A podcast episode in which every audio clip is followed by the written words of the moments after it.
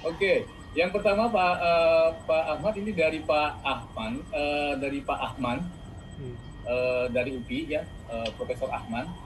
Beliau menanyakan berapa ma apa masker masker yang baik itu berapa lapis sih satu. Terus yang kedua, jika lo di ruangan di kantor sendirian, apakah juga harus perlu masker? Silakan Pak Ahmad. Ya, wah ini pertanyaan yang praktis ya. Jadi ya, praktis. Uh, kalau kalau ini kan berkembang terus nih informasi mengenai masker ini. Jadi kalau dulu memang dianjurkan menggunakan masker kain karena untuk memastikan jangan sampai tenaga medis kehabisan masker medis gitu ya.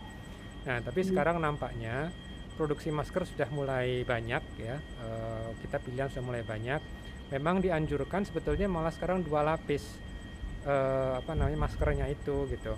Jadi tidak dianjurkan menggunakan kalau bisa jangan menggunakan masker kain karena tapi sebetulnya sih dibalik dibalik itu semua eh, yang penting kalau kalau saya melihat datanya ya yang penting gunakan masker ya. Masker yang standar lah. Kalau bisa yang sudah mulai banyak di apa bisa kita ambil gunakan masker itu. Kalau enggak ya masker kain juga nggak apa-apa. Karena yang penting kita memahami juga dari sisi uh, risiko penularan. Kalau tadi katakan dalam ruangan sendirian tergantung. Kalau ruangannya ber AC dan AC-nya sentral saya sebetulnya agak khawatir juga sebetulnya Nah, saya nggak tahu kalau di UPI ya, uh, karena saya lihat juga banyak di kampus itu karena ini tertutup. Jadi namanya apa jendela itu nggak bisa dibuka gitu. Dan itu harus pikirkan itu oleh oleh manajemen. Karena apa? Karena kalau dia tertutup, jendela tidak bisa dibuka itu bahaya. Nah, ini kan harus dipikirkan juga dari sisi AC-nya itu juga. Jadi tergantung kalau ruangan sendiri uh, pintu jendela terbuka semua ya dibuka maskernya nggak ada masalah gitu. Jadi itu perlu dilihat bagaimana virus ini menular. Karena apa? Karena dia menularnya kan oleh sirkulasi juga kan. Makanya kenapa dalam uh, ruangan tertutup tidak boleh berinteraksi lebih dari 15 menit. Itu perhitungannya itu waktu yang diperlukan untuk mensaturasi sehingga bisa masuk pernafasan kita.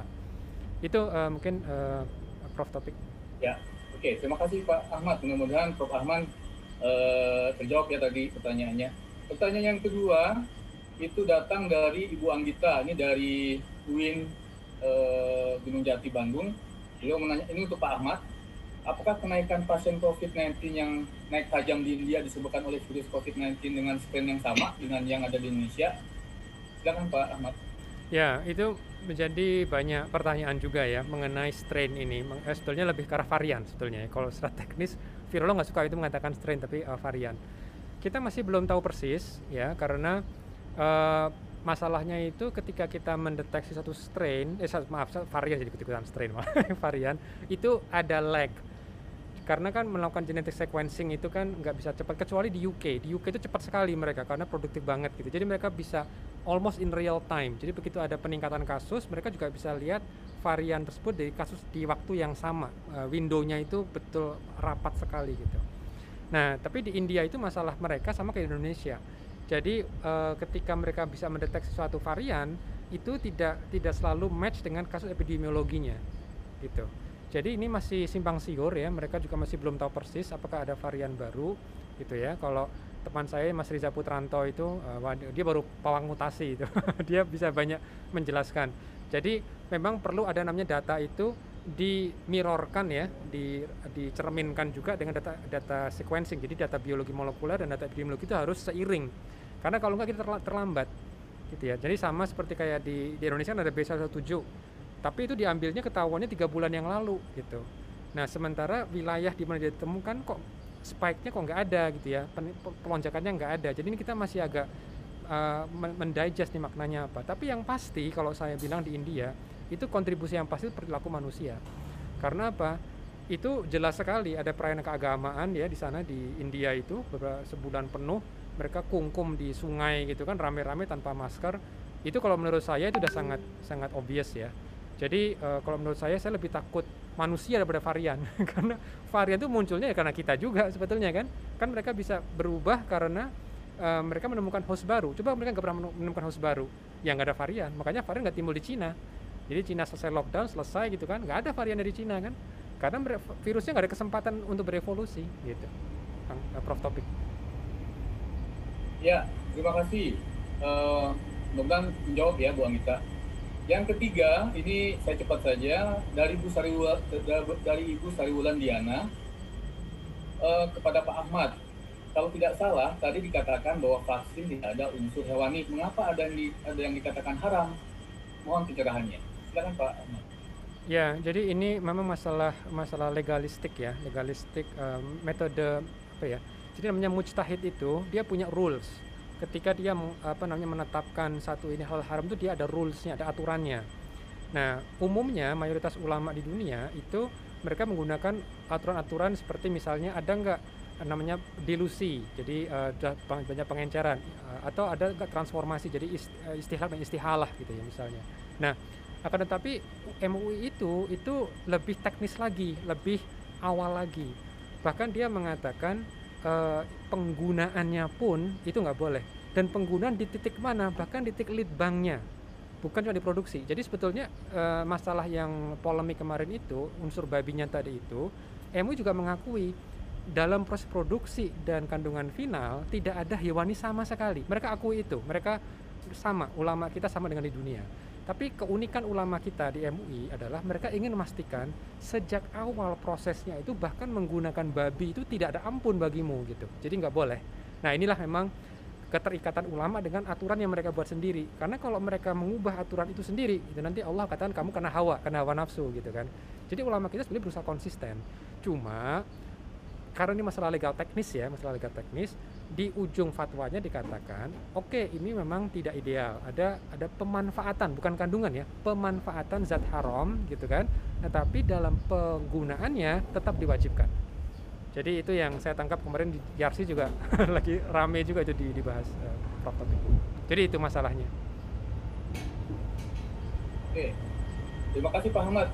Selanjutnya pertanyaan untuk Pak Ahmad lagi nih terkait dengan penolakan BPOM eh, terhadap vaksin Nusantara. Mohon pencerahannya.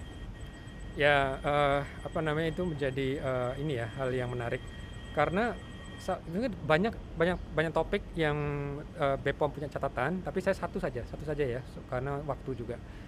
Masalah dari vaksin Nusantara itu dia belum mempublikasikan atau menunjukkan data proof of concept itu aja masalahnya jadi penggunaan vaksin dendrit ini kan nggak lazim. Jadi dia mengambil uh, sel dendrit keluar dari manusia ditumbuhkan di luar tubuh lalu dikembalikan lagi. Nah selama di luar tubuh itu ditemukan dengan dipertemukan dengan antigen virus gitu. Akan tetapi platform ini itu belum pernah dicobakan. Kalau pada binatang apakah bisa apa enggak jadi ambil sel binatang, tumbuhkan dendritnya di luar tubuh binatang tersebut, pertemukan dengan antigen virus, kembalikan ke binatang yang sama, paparkan binatang dua kelompok antara uh, virus dengan yang placebo.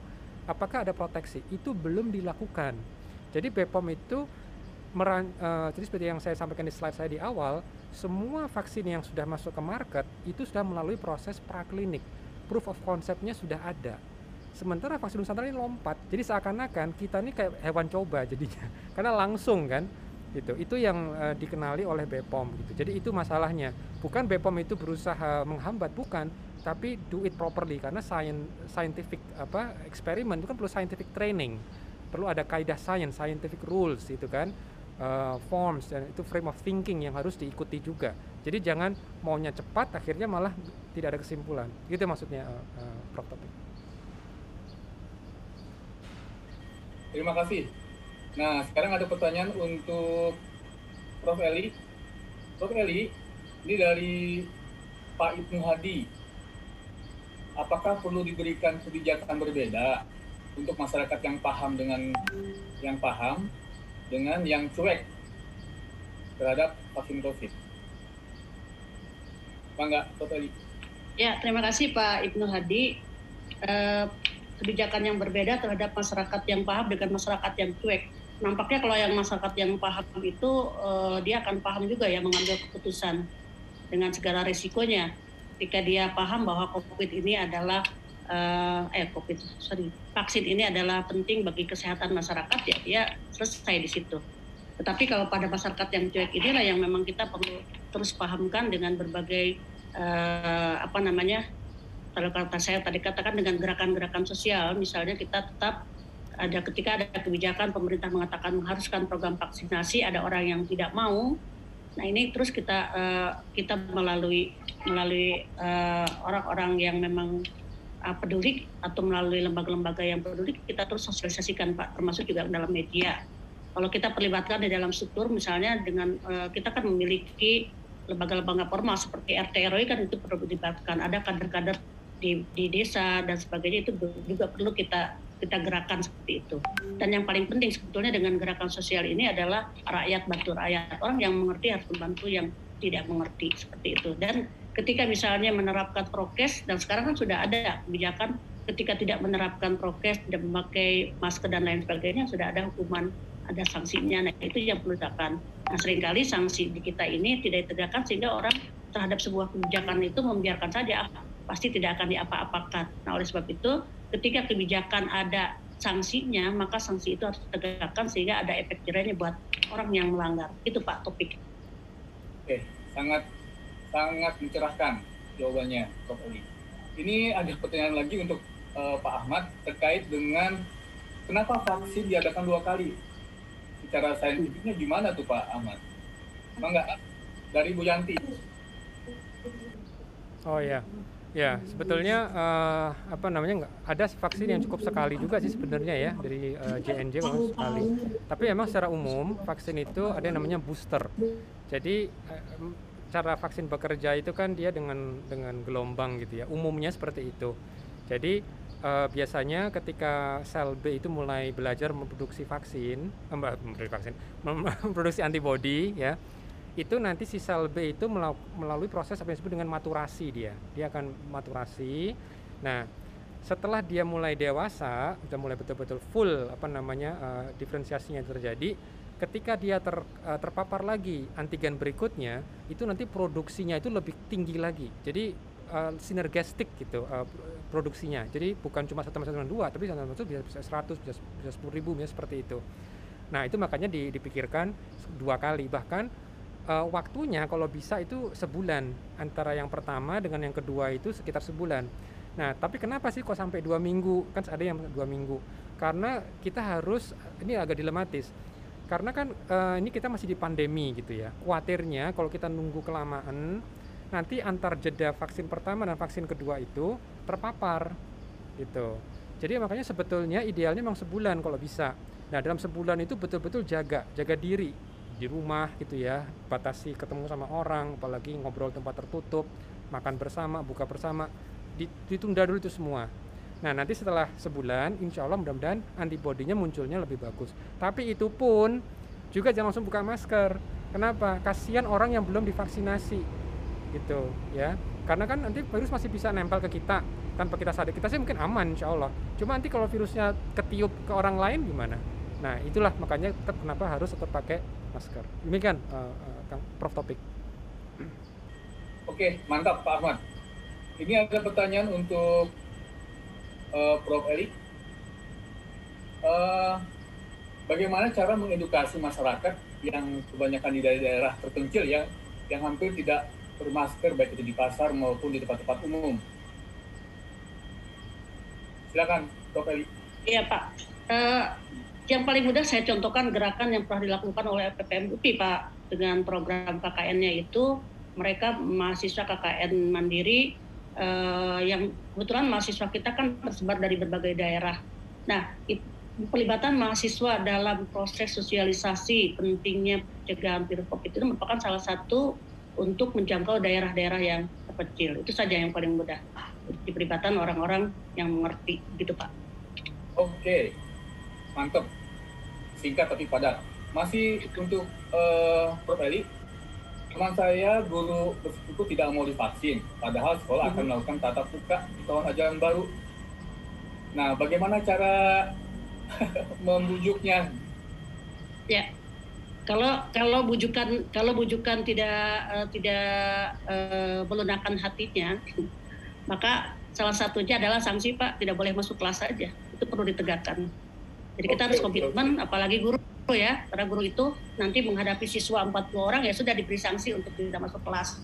Begitu Pak. Mantap, mantap, mantap, mantap, mantap. Begitu ya.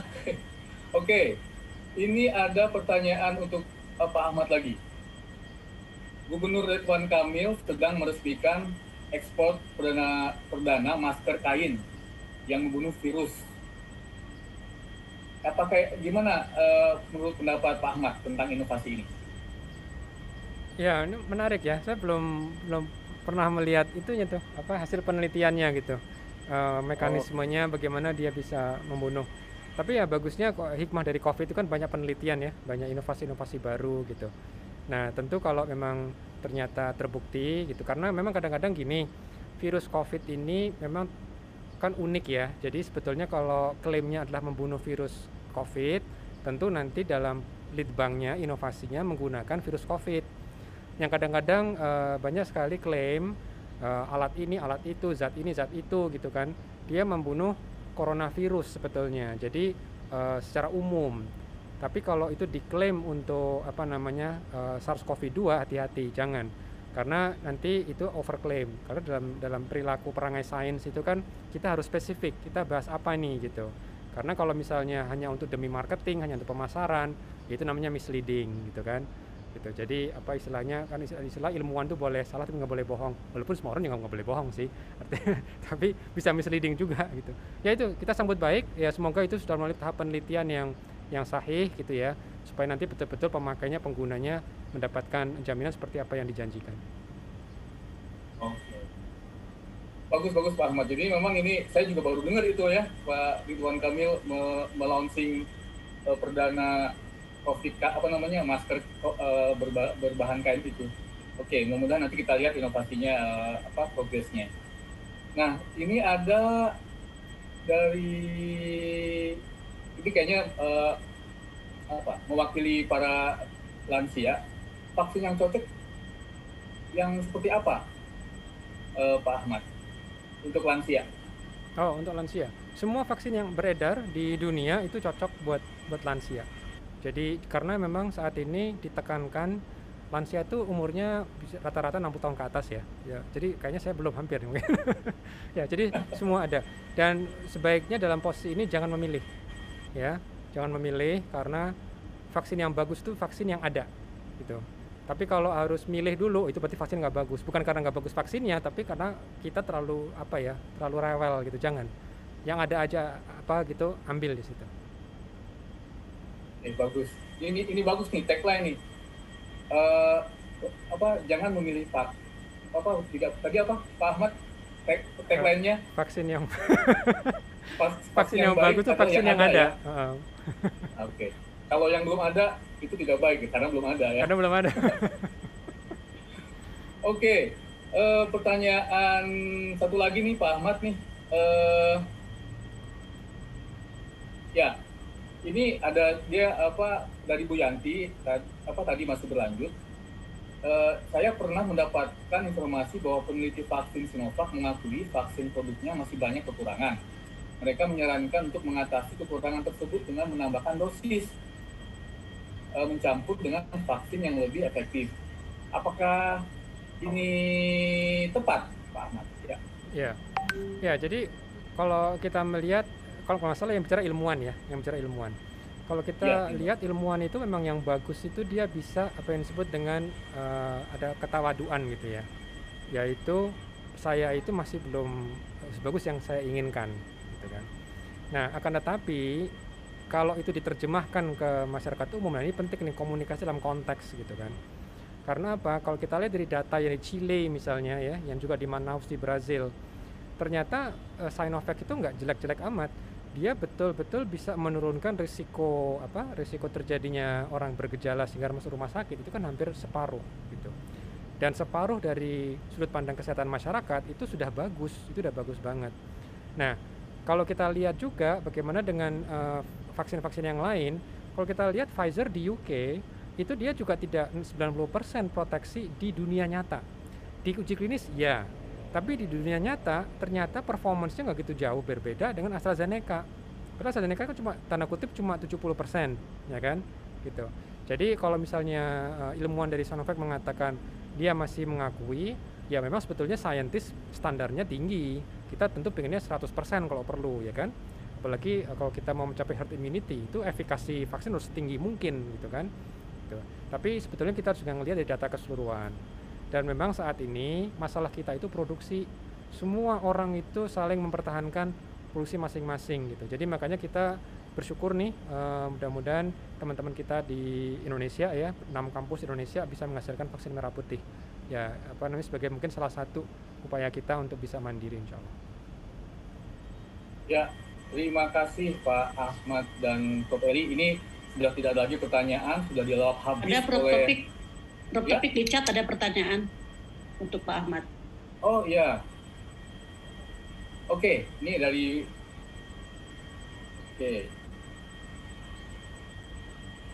Baik, ini ada pertanyaan untuk Pak Ahmad. Pak Dok, apakah apakah kita harus uji lab untuk melihat apakah vaksinnya sudah bekerja? Tentunya setelah divaksin. Gimana gimana? Bisa diulang lagi? Apakah?